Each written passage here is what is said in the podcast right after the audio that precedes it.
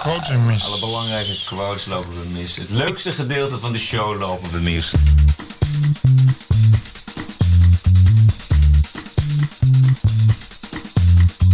This is the TPO podcast. Ranting and Reason. With Bert Brusson and Roderick Phalo.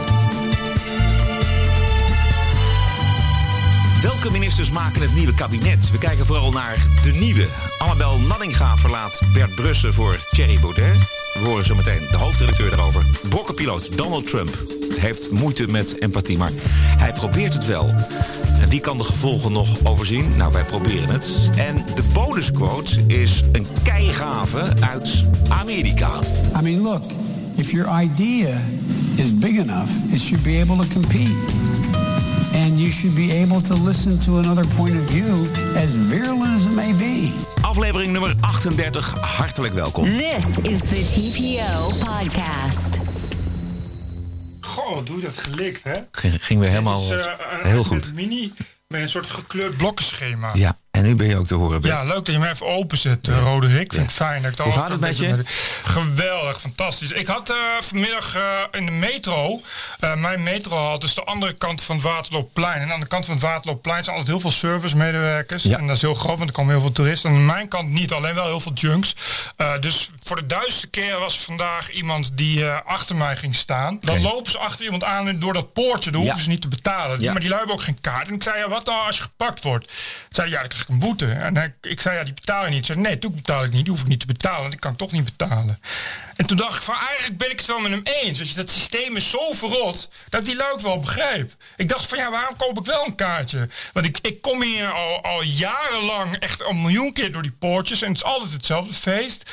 En ze hebben nog, nog nooit één beveiliger neergezet. Nog nooit. Ja, maar- je, en half Amsterdam eh, klaagt daarover. Ja. Maar nog nooit enige controle. Dus ik, hier, als je gaat optellen wat het, wat het GVB jaarlijks misloopt aan zwartrijden. Nou, dan kun je gewoon eh, de, de subsidie waar ze nu tekort aan komen, kun je er gewoon opvullen. Oké, dus om- omdat andere mensen ook kunnen zwart rijden, dus denk jij van, dan ga ik het ook doen. Nee, maar ik dacht wel van ja, weet je, hij heeft ook, hij heeft ook gewoon gelijk. Wat, wat, Maar waarom heeft hij gelijk? omdat, wat zou je, wa- kijk, wat zou je, Omdat er niet gecontroleerd wordt, heb je, heb je gelijk of zo? omdat hij scheid heeft. Ja, en dan heb je gelijk. Nee, ik vind ook dat je moet betalen. Oké, maar- dan heeft hij dus maar geen als gelijk. je geen geld hebt. Als je, als je, en, dat, dit is was dus duidelijk iemand die, die verder nou niet echt ooit van iemand überhaupt... Ik denk niet dat de maatschappij überhaupt veel, eh, veel met schaften heeft en, en omgekeerd. Dus ik dacht van ja, weet je, je, als je dat systeem zo brak maakt... dan vraag je er dus om dat mensen dit gaan doen.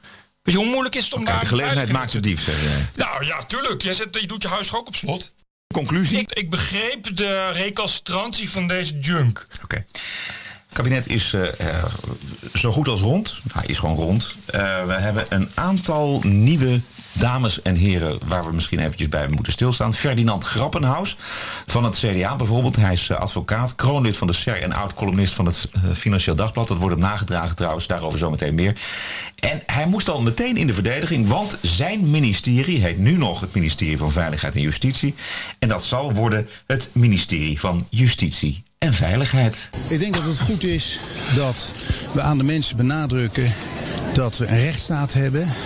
Dat is justitie, maar dat die rechtsstaat wel de mensen ook waarborgen moet geven. En dat is de veiligheid. En die volgorde, die begrijp ik heel goed als jurist. Juist. En de enorme naamsverandering die dit ministerie zal gaan ondergaan, die eh, naamsverandering die zal zo min mogelijk kosten, heeft Grappenhaus al eh, beloofd. Dat is zijn eerste belofte trouwens. Draag me weg, alsjeblieft. Ik heb vandaag al gelezen dat die, die, die, na- die- die- dit soort koddigheid... die gaat dan miljoenen kosten. En dan weet je nu al dat dat miljoenen... waars- waarschijnlijk tientallen miljoenen gaat. Dat gaat dat, ik ga je nu vertellen hoe dat gaat. Ja. Er komen allemaal Europees aanbesteden... eh, design- en reclamebedrijven komen hun idee pitchen. Want dat moet. Dat moet, die moeten namelijk Europees worden aanbesteed. Degene die het mag doen is een ver aangetrouwd familielid van een VVD'er. Er komen er nieuwe logo's en die nieuwe logo's lijken exact, exact gelijk aan de huidige logo's. Maar er zit meer lucht tussen de letters. Ja. Dat gaat dan 13 miljoen kosten in eerste instantie. Maar dan gaat er wat mis en gaat het 23 miljoen kosten. En zijn we twee jaar verder. Dat is wat er gaat gebeuren. Maar ik vind nu al dat Grappenhaus dit soort van fantastische leger. Luchtverplaatsingen kan uiten zonder ook maar een spiertje te frekken. Is inderdaad. Hij zegt van dat begrijp ik heel goed als jurist. Wat hij bedoelt is. Ik kan dit prima doen zonder dat ik pijn voel. Want ik ben heel lang advocaat geweest. Dat is eigenlijk wat hij bedoelt. Precies. Hij is niet alleen heel lang advocaat geweest, maar hij is ook eh columnist geweest, zoals ik zei, van eh, het Financieel Dagblad. En in 2015 schreef hij dat jihadisten niet hun staatsburgerschap moeten worden afgenomen. Integendeel, je moet ze laten terugkeren. Nou, Ja. Oh. Oei. Zou hij daar inmiddels anders over denken, eh, t- twee, drie jaar later? Ik denk het niet. Nee, nee, nee. Laat me raden. Dit zijn eh, allemaal uitspraken gedaan in een privéomstandigheid. En dat is heel anders dan dat je dat als minister doet. Dat begrijp je. Dus gaan we nou niet een beetje, eh, hè, een beetje vliegen afvangen. Want straks gaan we nog blijken dat hij in het verleden allemaal dingen getwitterd heeft. Van je zegt van nou, moet je dat dan wel twitteren als minister.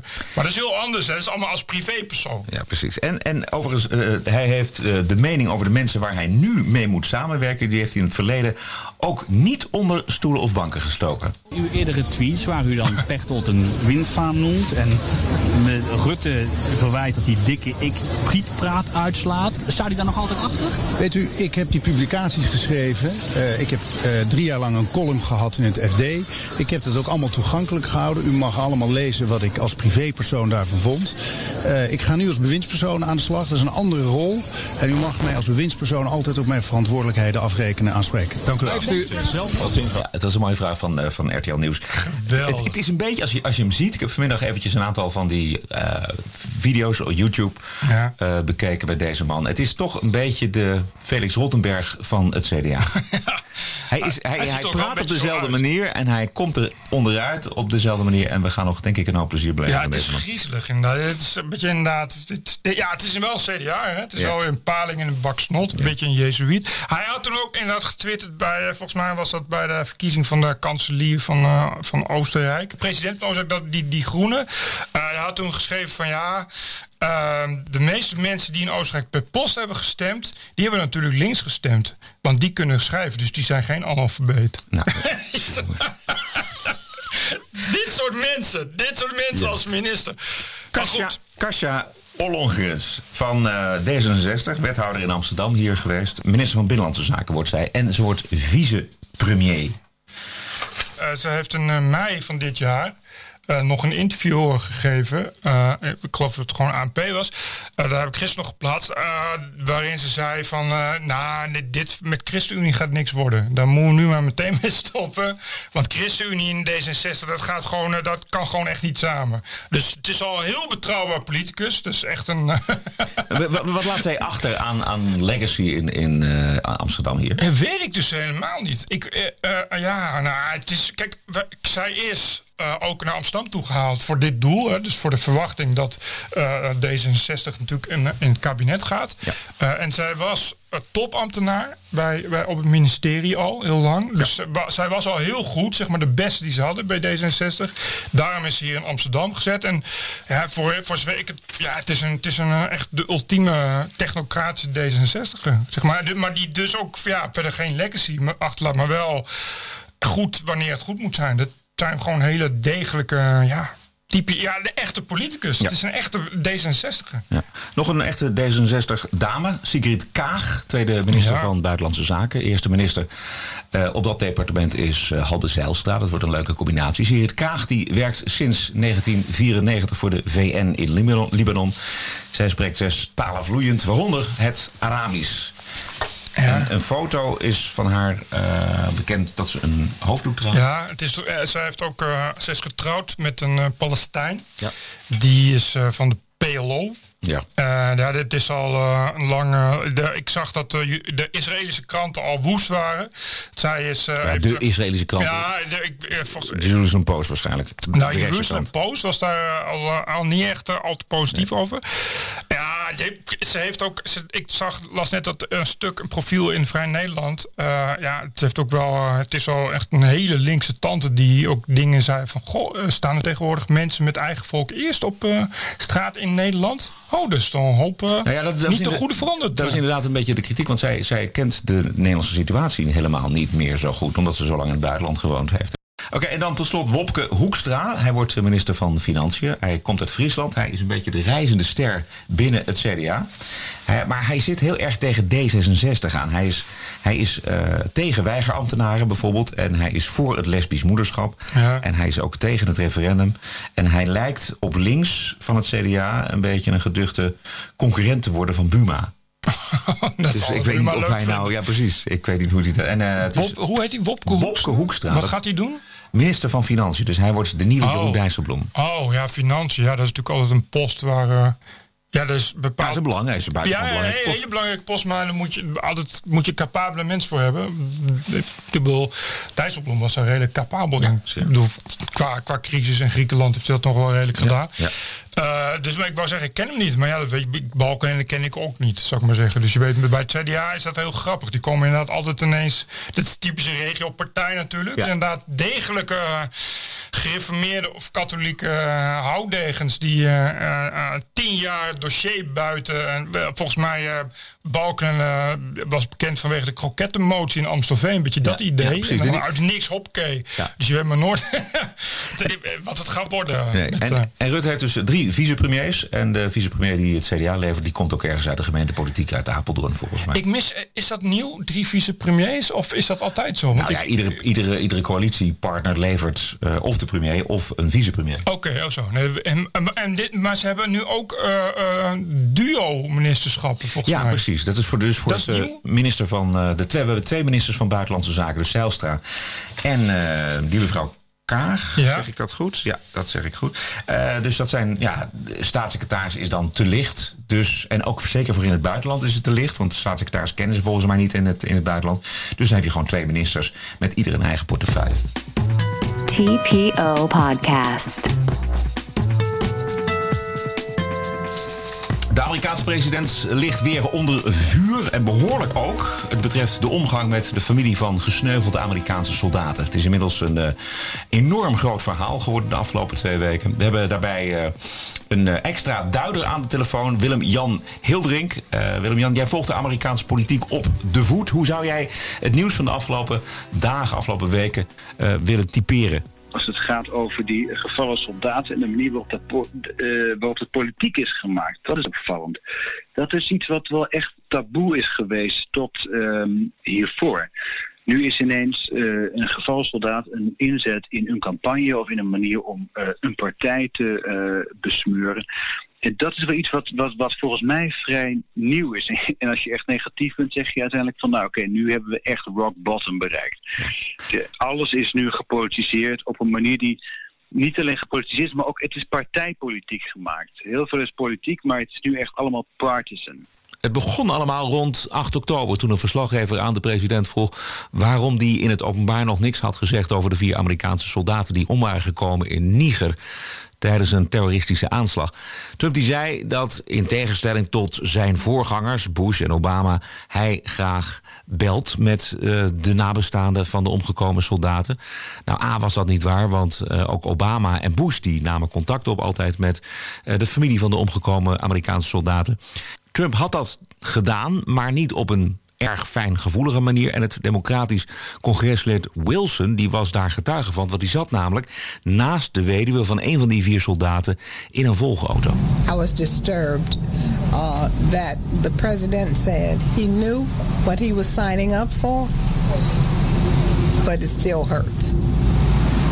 And then he never called LaDavid's name. He called him your guy. Your guy. And you were here to witness this. Well, I witnessed the uh, first part. She told me the second part because I, I didn't hear him saying your guy. She was crying and said he didn't even know that David's name. He called him your guy. And he basically said nothing. About how long did this conversation last? From three to five minutes, and he did most of the talking. He basically was saying the same thing over and over and mumbling and saying everything.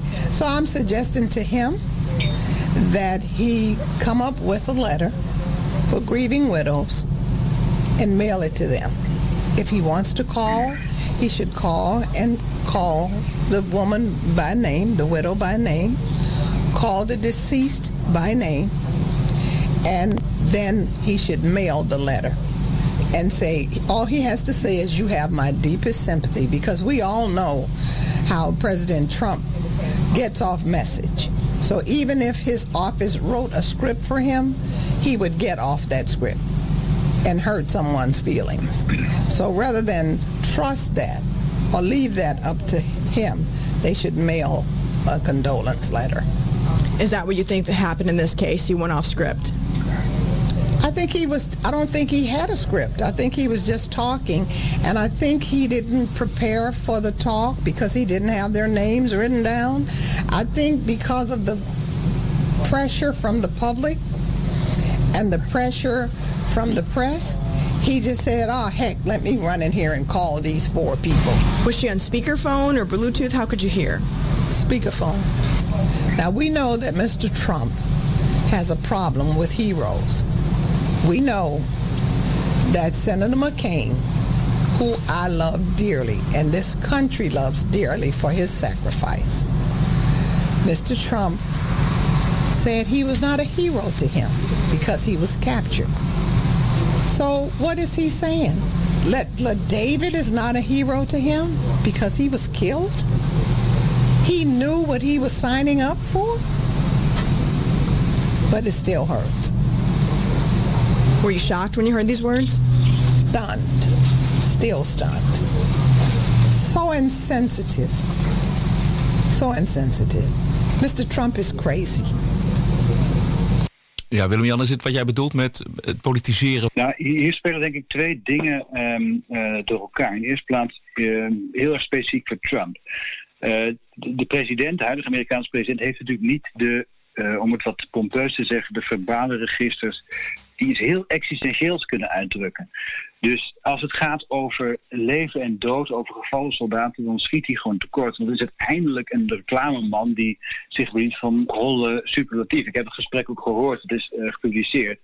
En is wonderful, terrific, great guy. Weet je wel, dat, dat is niet goed. Maar tegelijkertijd ehm, is het iets wat je altijd hebt. Ehm, hij is gebriefd voor, deze, ehm, voor dit gesprek dus een chief of staff, die zelf een, een verleden heeft als generaal in de Marines. Zijn zoon is gesneuveld en hij heeft ook gezegd... John Kelly? Toen Trump, ja, John Kelly, excuus, John Kelly. En die heeft ook gevraagd van, god, eh, Trump vroeg aan hem, moet ik dat doen? En Kelly heeft gezegd, doe het maar niet. Want dit is echt het laatste gesprek waar ze op zitten te wachten. Want ze willen alleen maar het broodnodige qua communicatie. Ja, Willem-Jan, laten we er even naar luisteren. Naar die, naar die persconferentie van John Kelly. Who writes letters to the families? Typically, the company commander. In my case, is a Marine. The company commander, battalion commander, regimental commander, division commander, Secretary of Defense. Typically, the service chief, commandant of the Marine Corps, and the president. Typically, writes a letter. Typically, the only phone calls the family receives are the most important phone calls they can imagine, and that is from their buddies. In my case, hours after my son was killed, his friends were calling us from Afghanistan, telling us what a great guy he was. Those are the only phone calls that really matter. And yeah, the, the uh, letters count to a degree, but uh, there's not much that really can take the edge off what a family member is going through. So um, some presidents have elected to call. All presidents, I believe, have elected to send letters. Um, if you elect to call a family like this, it is about the most difficult thing you could imagine. There's no perfect way to make that phone call. Uh, when I took this job uh, and talked to President uh, uh, Trump about how to do it, my first recommendation was he not do it. Uh, because it's not the phone call that parents, family members are looking forward to. It's nice to do, in my opinion, in any event. Uh, he asked me pre- previous presidents, and I said I can tell you that President Obama, who uh, was my commander in chief when I was on active duty, uh, did not call my family. That was not a criticism. That was just to simply say, I don't believe President Obama called. That's not a negative thing. Uh, I don't believe President Bush called in all cases. Um, I don't believe any president, particularly when the casualty rates are very, very high, that presidents call. But I believe they all write. So when I gave that explanation to our president three days ago, um, he elected to make phone calls in the case of the four young men who he lost in Niger uh, at the earlier part of this month. But then he said, you know, what? How do you make these calls? Uh, if you're not in the family, if you've never worn the uniform, if you've never been in combat, you can't even imagine how to make that call. But I think he very bravely does make those calls. Uh, the call in question uh, that he made yesterday, um, or day before yesterday now, were to four family members, the four fallen. So a pre-call is made, President of the United States or the Commandant of the Marine Corps or someone would like to call. Will you accept the call? And typically they all accept the call. So he called four people the other day and expressed his condolences in the best way that he could. And he said to me, what do I say? Uh, I said to him, sir, there's nothing you can do to lighten the burden on these families. But let me tell you what I tell them. And what, let me tell you what my best friend, Joe Dunford, told me, because he was my casualty officer. He said, Kel, um, he was doing exactly what he wanted to do when he was killed. He knew what he was getting into by joining the, that 1%. He knew what the possibilities were because we're at war. And when he died, in the four cases we're talking about, in Niger, my son's case in Afghanistan, when he died, he was surrounded by the best men on this earth, his friends. That's what the president tried to say to, a fa- to four families the other day. Willem-Jan, je hebt die persconferentie ook gezien. Ja. Wat vond je ervan? Ja, twee dingen. Ehm, ik, ik heb nog nooit iemand zo succesvol Trump eh, horen verdedigen. En eh, vaak omdat het ook heel erg moeilijk is en dit, dit lukt. En ik denk met recht. Ehm, en dat is op, zich, op zichzelf al opvallend. Ehm, John Kelly, om het op zijn Engels te zeggen, he takes the fall, maar hij blijft staan. En, en letterlijk op de manier waarop hij over Trump praat, Trump wordt passief. Hij zegt, eh, ik heb hem bepaald advies gegeven. Hij, hij wist niet precies wat hij moest doen. Ik heb, eh, ik heb hem dit en dat aangeraden. En kennelijk is dat een manier waarop je dat wel kunt doen. Dat is het eerste punt. Het tweede punt is, ik denk echt dat dit een vrij historische speech is. Eh, ook omdat hij zal in het vervolg van die speech gaat hij iets zeggen over ehm, het gebruiken van, om het lelijk te zeggen, gevallen soldaten voor partijpolitieke doeleinden.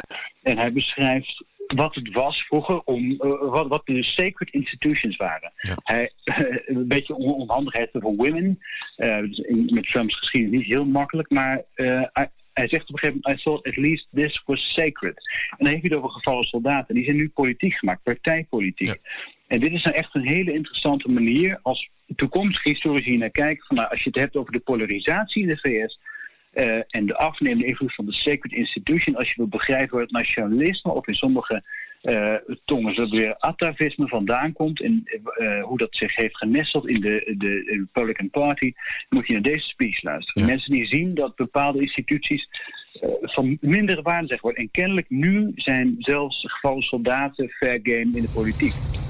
I was stunned when I came to work yesterday morning and brokenhearted at what I saw a member Congress doing.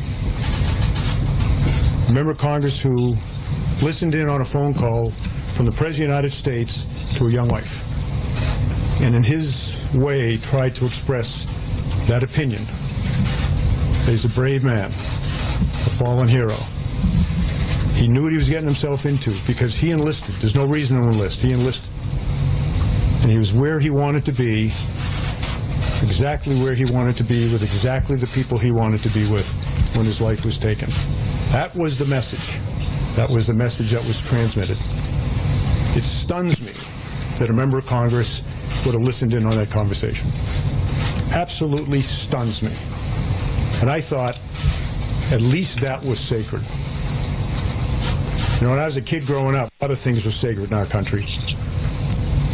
Women were sacred looked upon with great honor. That's obviously not the case anymore, as we see from recent cases. Life, the dignity of life, is sacred. That's gone.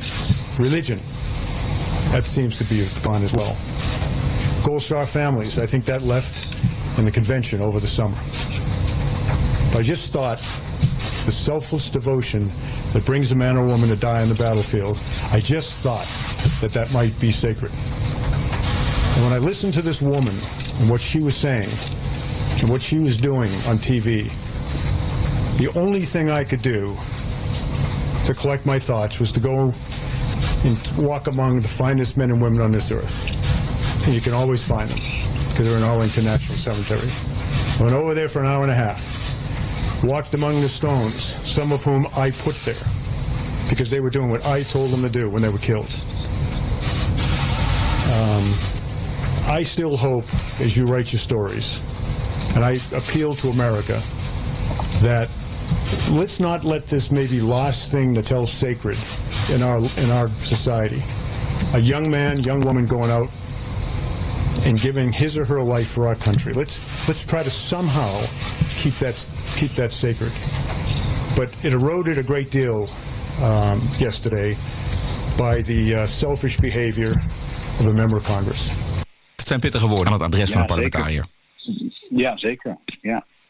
Ehm, en ik, ik kan het me wel voorstellen, kijk, ehm, als Trump voortdurend wordt aangevallen op zijn onbehouwenheid, zijn harde aanvallen, die soms ook gewoon uit het niets lijken te komen. Wat nu, hier nu gebeurd is met eh, Congresswoman Wilson, ehm, dit, dit doet denken toch wel aan Trumps treurigste momenten. Ja. Het, het, treurige is, en daar, daar staat Kelly natuurlijk ook tussenin... want Trump is natuurlijk op een verkeerde manier begonnen aan dit hele verhaal... Hè, door te verwijzen naar zijn voorgangers... en er ook een politiek, politiek gewin uit te halen. En deze Frederica Wilson, eh, die neemt het stokje over. Ja, ik, ik kan me goed voorstellen dat zo'n man of honor... zo'n zo'n oud-generaal, ja, daar eigenlijk van walgt. Ja, natuurlijk. Hè. Dat, waarom ik net ook zeg rock bottom. Ze zijn nu beide kanten, beide partijen zijn op zo'n laag niveau aangekomen. Eh, eh, het gebruik maken in een politiek bedrijf overgevallen soldaten. En zo'n Kelly, reken maar dat hij zijn eh, ehm, eh, baan met een zekere tegenzin doet. Dit zijn mensen, men of honor. En die doen het ook omdat zij geloven dat ze dit moeten doen. Dit is een dienst. Maar ik denk dat zij ook heel vaak denken van... Jezus Christus, moet ik dit doen? Want dit is wel echt heel verschrikkelijk. Waar Kelly heel erg over valt is natuurlijk het publiek maken van dat telefoongesprek. Maar die, die vrouw, die Wilson, die had natuurlijk inhoudelijk wel gelijk. Want dit is de weduwe van de soldaat vandaag op de Amerikaanse tv-zender ABC. What he said was the president. Yes, the president said that he knew what he signed up for, but it hurts anyways. And I was, it made me cry because I was very angry at the the tone of his voice and how he said it. Like he he he couldn't remember my husband's name. The only way he remembered my husband's name because he told me he had my husband report in front of him. And that's when he actually said La David. I heard him stumbling on trying to remember my husband's name.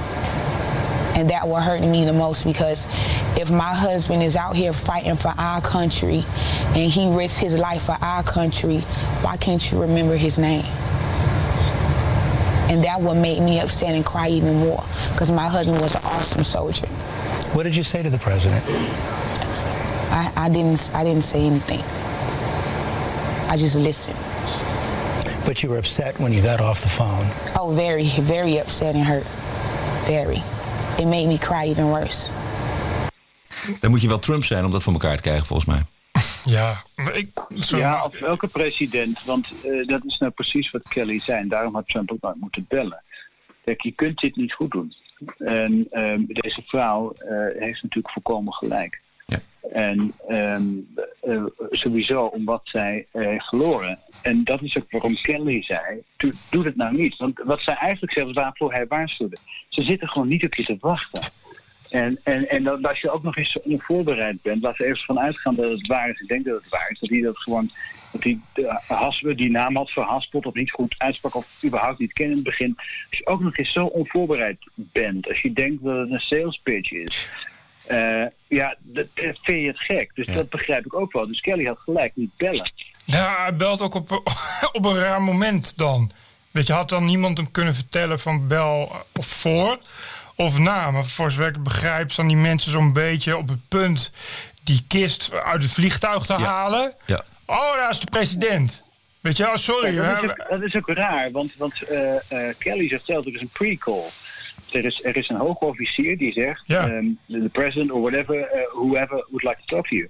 Ehm, dat is raar, want als dat klopt wat hij zegt, ehm, she did take the call. Ja. Ehm, terwijl ze ook had kunnen zeggen, eh, dat is niet om haar in die zin te bekritiseren, dat is totaal niet mijn plek. Maar als, de, als die prikkel echt gemaakt is, maar we staan, we staan net, eh, eh, ja, de, de kist uitgeladen. Komt En even niet uit. voor je hoofd. Ja. Ik, ik, Het komt even niet uit, ja. Nee, maar ik, ik denk niet dat je over het verdriet Nee, heen kan ja, stappen en, en, en dat soort rationele afwegingen gelijk. kunt maken, denk ik. Ja. Ehm, Ja. Ondertussen is de Amerikaanse media die gaat weer vol op het anti-Trump-orgel. Eh, dit is eh, Lawrence O'Donnell eh, op MSNBC. Today, John Kelly made just as much of a mess in his attempt to clean up Donald Trump's mess. All indications are that the president made that condolence call only after feeling the public pressure of a press conference where he was asked why he had been silent for almost two weeks about the death of Sergeant Johnson and three other Army sergeants in Niger. John Kelly, who went out there today to clarify the president's communication with the Gold Star family, seems to have taken his own personal stance of moral superiority over another Gold Star family. And if that's not what he was doing, then tell us that's not what he was doing. What John Kelly had to say today in defense of Donald Trump was barely coherent. The president got it wrong with that family. And he's not the kind of guy to try again. And so there was no apology phone call. Donald Trump's flawless lifetime record of never apologizing remains perfectly intact. And in the 12 minutes that General Kelly spoke today, he did not dispute a single word that Congresswoman Wilson quoted the president as saying, and General Kelly did not dispute Sergeant Johnson's mother's statement. The president did disrespect my son and my daughter and also me and my husband. John Kelly did not dispute one word of that and nowhere in his 12 minutes of speaking today did he apologize to Sergeant Johnson's family for any misunderstanding that might have occurred in that phone call. But he took time, a lot of extra time to call a black woman who he doesn't know and he doesn't like an empty barrel. And John Kelly said this about the most dishonorable and cowardly president in history. Ja, dit is de hoge priester van het morele gelijk. Ik wou niet zeggen, zit de Amerikaanse Marcel van Dam of zo? Of, eh, wat, eh, Ja, we, we hebben hem eerder in de uitzending gehad. Stop the hammering! Call fucking Phil Griffin. I don't care who the fuck you have to call. Stop the hammering. Goed, tot slot het bewijs dat eh, Trump het wel kan, als hij zijn kop er maar bij heeft. Eh, dit is een weduwe die het telefoongesprek met de president zelf online heeft gezet. Yes, sir. I am so sorry to hear about the whole situation. What a what a horrible thing. Except that he's an unbelievable hero, and you know all of the people that served with him are saying how incredible he was. Yes, sir. And uh, just an amazing, an amazing guy. And I Hello, sir. just he's a, he's a great hero. I want to thank you, um, President Trump. Those words are very kind. He was an amazing man, an amazing husband, and an amazing soldier. And um, I, I couldn't be more proud of my husband than I am right now, sir, to be honest with you. Um, it's what my husband wanted to do. Yes. Everyone told me how great. I mean, he's like he was the leader. He was the he was the boss. He was their friend. They all loved him. You know, just like you do. I mean, it's just a special guy. Go ahead, Natasha. Yes, he's just an all-around guy, and um, I, I'm glad that you got to get to know a little bit about him and get to hear a little bit about him, sir. Um, my husband is, uh, to me, he was already my hero. To be honest with you, we've been together 15 years, five children. Um, run down real quick: 2017, 15, 12, and four. My son is currently um, in college in Missouri playing football. So when I say all around a hero, yes. And but now it's like the world gets to know he is an American hero. So thank you. I really, really appreciate it. I really do, sir. Thank you. If you're around uh, Washington, you come over and see me at the Oval Office, okay? Yes, sir. En dit is wat zij er achteraf over te zeggen had tegenover de Washington Post. The cool thing about it was, I guess President Trump was maybe handling so many things because he has a lot going on. But his assistant was very adamant. They they told me not to, you know, hold on to the phone. Don't hang up. He really wants to speak to you. And he was taking care of business, and maybe it was 15, 20 minutes. Me and my kids sat in the living room, and we we held on, and he picked up, and um, I was so like set back because he had knew everything about my husband. He knew from the time he entered. He knew about the awards. He he he, he knew everything, and he told me before he makes phone calls, which is so heartfelt, and it's a tragedy to the families that he's calling. He likes to do the research and the homework on that soldier who made the ultimate sacrifice. So I was very impressed that he had took that time out to learn every little bit of thing about my husband, and, and he kind of got like a little small glimpse of how important of a person he was, not only to our country but to our little small world here, our home. And he took it a step further because then he started speaking of my kids. He knew my kids' names. He knew their age. He knew my son was in college uh, um, on a scholarship. So that conversation I had with Trump, I remember. I, I will always remember because he's the president. He's the commander in chief. He has a lot of things to do. But at that moment when my world was upside down and me and my kids didn't know which way we were going, it felt like I was talking to just like a regular human, like just like a regular person, an everyday person, a person who don't have the whole world to deal with. He just sounded like somebody who was somebody's husband, somebody's dad. So he put himself in that position for two seconds, and um, it was heartfelt that the two seconds that he felt, he was able to know how, how what we were going through, or he just wanted to send his condolences because he knows it's a void. So it, it's a conversation that I do remember, and it, it, it, it, meant, it meant the life of my whole family. It really did. Willem-Jan, twee totaal verschillende verhalen. Ja, dat wel. Die eerste vrouw die heeft het heel erg over John McCain. As an American Hero. Dat is een Republican. En vermoedelijk is die vrouw uit het eerste verhaal is een democraat. John McCain is wel echt een All-American Hero. Ehm, wat, haar verhaal ook zeker geloofwaardigheid geeft, omdat het dus niet partisan is. Omdat eh, McCain al eh, nou ja, sinds, wat is het, eh, zeven na Christus een republikein is. Ehm, en dat, dat is natuurlijk wel weer opvallend. En je kunt je afvragen, is dat ingestoken? Is het oprecht? Maar ehm, in beide gevallen is het opvallend omdat het Trump denkt hetzelfde en interpretaties die liggen echt worlds apart. Ja. Willem-Jan, tot slot, laten we nog even resumeren zeg maar, wat, er, wat er deze week gebeurd is. En het, en het politiseren van eigenlijk alles in Amerika. Um, nou ja, goed, uh, wat ik net zei, uh, het leek iets op rock bottom. En uh, toen ik die reporter hoorde, um, of het orakel tegen Trump, toen ik had het over rock bottom toen dacht ik, oh jezus, ik heb het nu al gezegd en het, was, het kan dan nog verder, nog verder zakken. Het, het, wordt, het wordt echt wel steeds erger en je vraagt je, je, vraagt je wel af waar, waar ligt de grens. Ik denk wel echt dat dit een vrij cruciale grens is. Van, in ieder geval in de ogen van een republikein, een, een, een, een ouderwetse republikein, uh, is er nu geen enkel instituut meer dat uh, vrij is van uh, partijpolitiek. En het is niet dat de Republikeinen heilig zijn, maar zij geloven wat meer in instituties naast de wet. Democraten toch veel meer in wet en social justice en, en, en zaken. Uh, en voor hen lijkt nu het laatste heilige huisje vervallen. Dat hoorde je bij Kelly.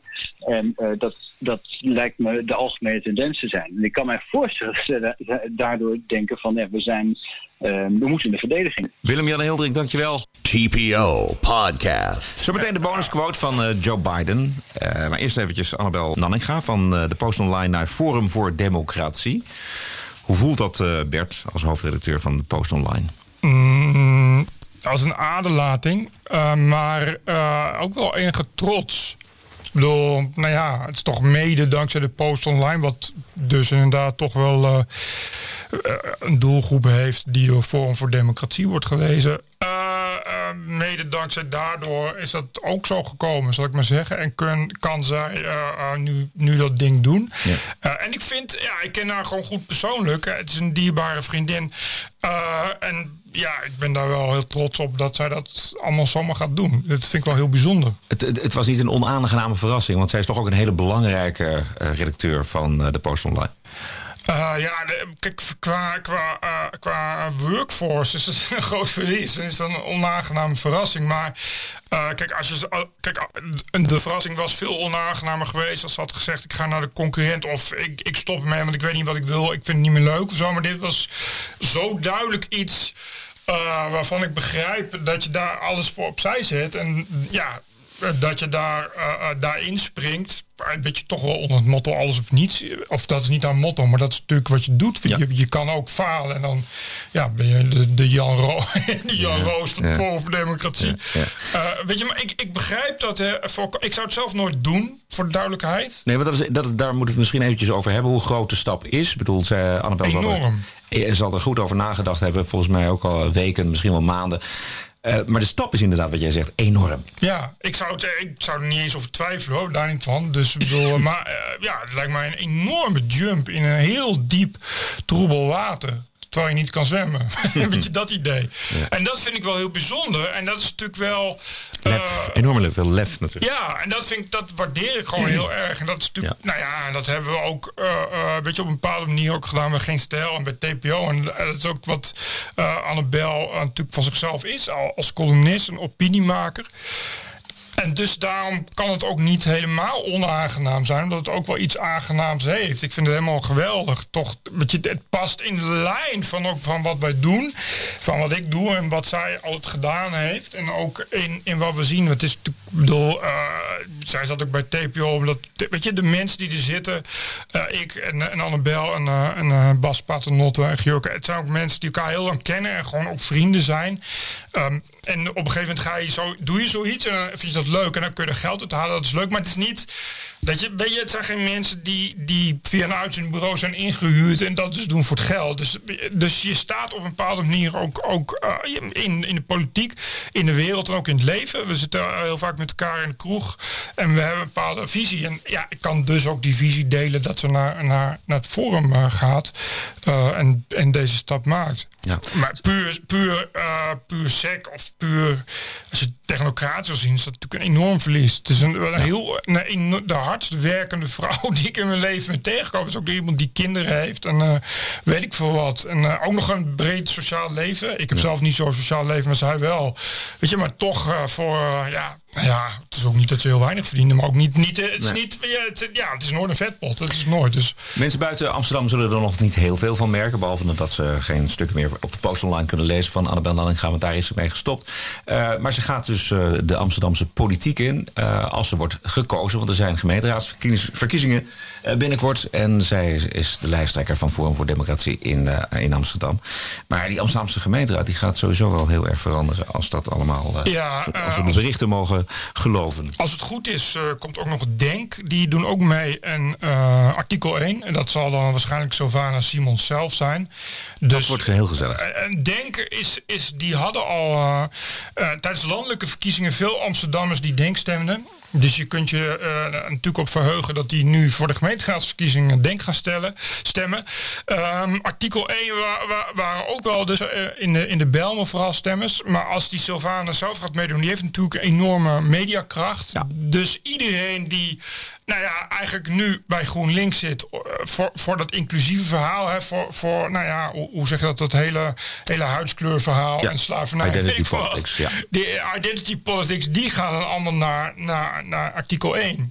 Want Denk is, is meer, ja, dus denk ik nog wat meer Turks. En dan, zit eh, meer- meer Slotervaart Turks en. Marokkaans, inderdaad. Terwijl inderdaad Surinamers en Antillianen, die gaan naar artikel 1. Maar dat betekent dus een enorme klap voor GroenLinks in Amsterdam. Nou, ik weet niet of dat... Dat een- zou kunnen.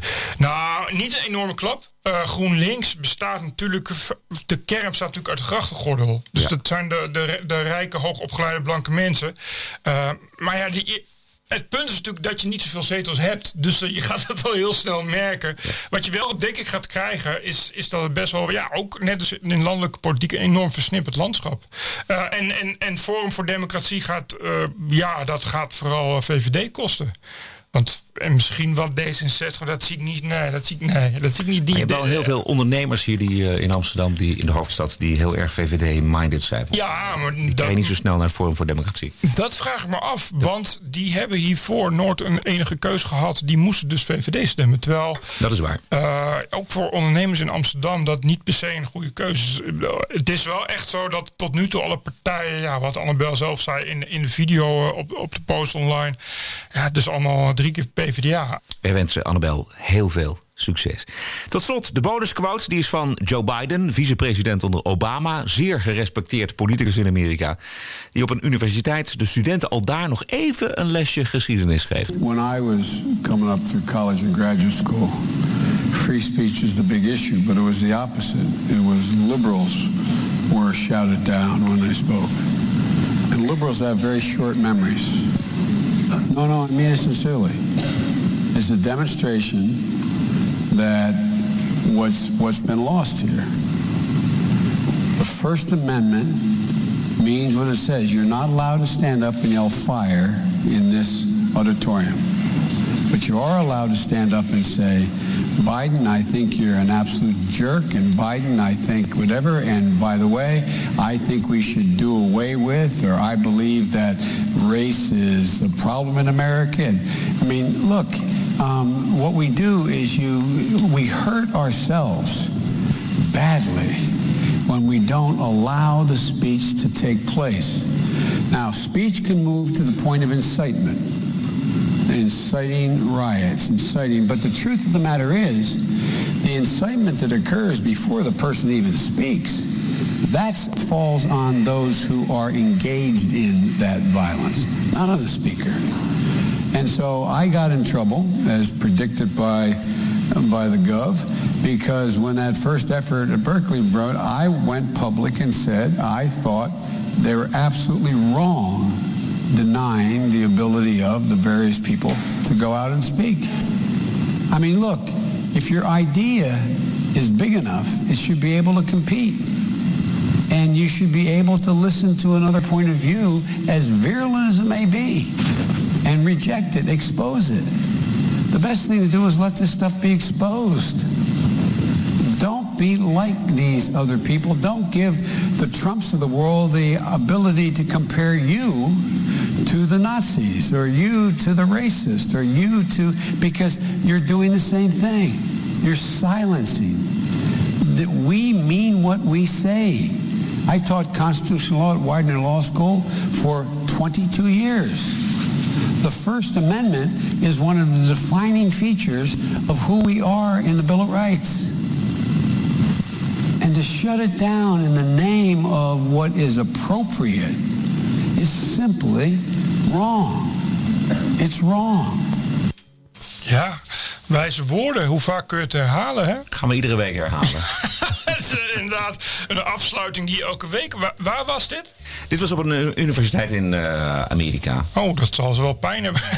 dat zal zo pijn hebben. Een beetje, een beetje opkomen voor de vrijheid van meningsuiting. Notabene een universiteit. Kijk, dit zijn de liberals van vroeger. Dit zijn de, de progressieven van vroeger. Ja, dit zijn de democraten het, van vroeger. En zo hoort het precies. Dit was aflevering nummer 38. Wij hopen dat er iets van waarde tussen zat in deze aflevering. Informatie of amusement of gewoon een ander geluid dat nergens verder te horen is. U mag die waarde uitdrukken in een donatie. Dat mag eh, 10, 20, 30, 100 euro per maand zijn of per jaar. Dat maakt niet uit. Eh, wij weten niet eh, welke waarde deze podcast voor u heeft. Maar laat het ons weten via tpo.nl slash podcast. We beginnen morgen aan de voorbereiding van eh, aflevering nummer 39. Beschikbaar dinsdag aanstaande 31 oktober. Graag tot volgende week. TPO Podcast. Bert Bruson, Roderick Balo, Ranting and Reason.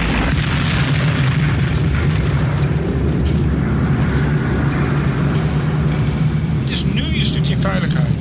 En dus het wordt veiligheid en justitie. Goed.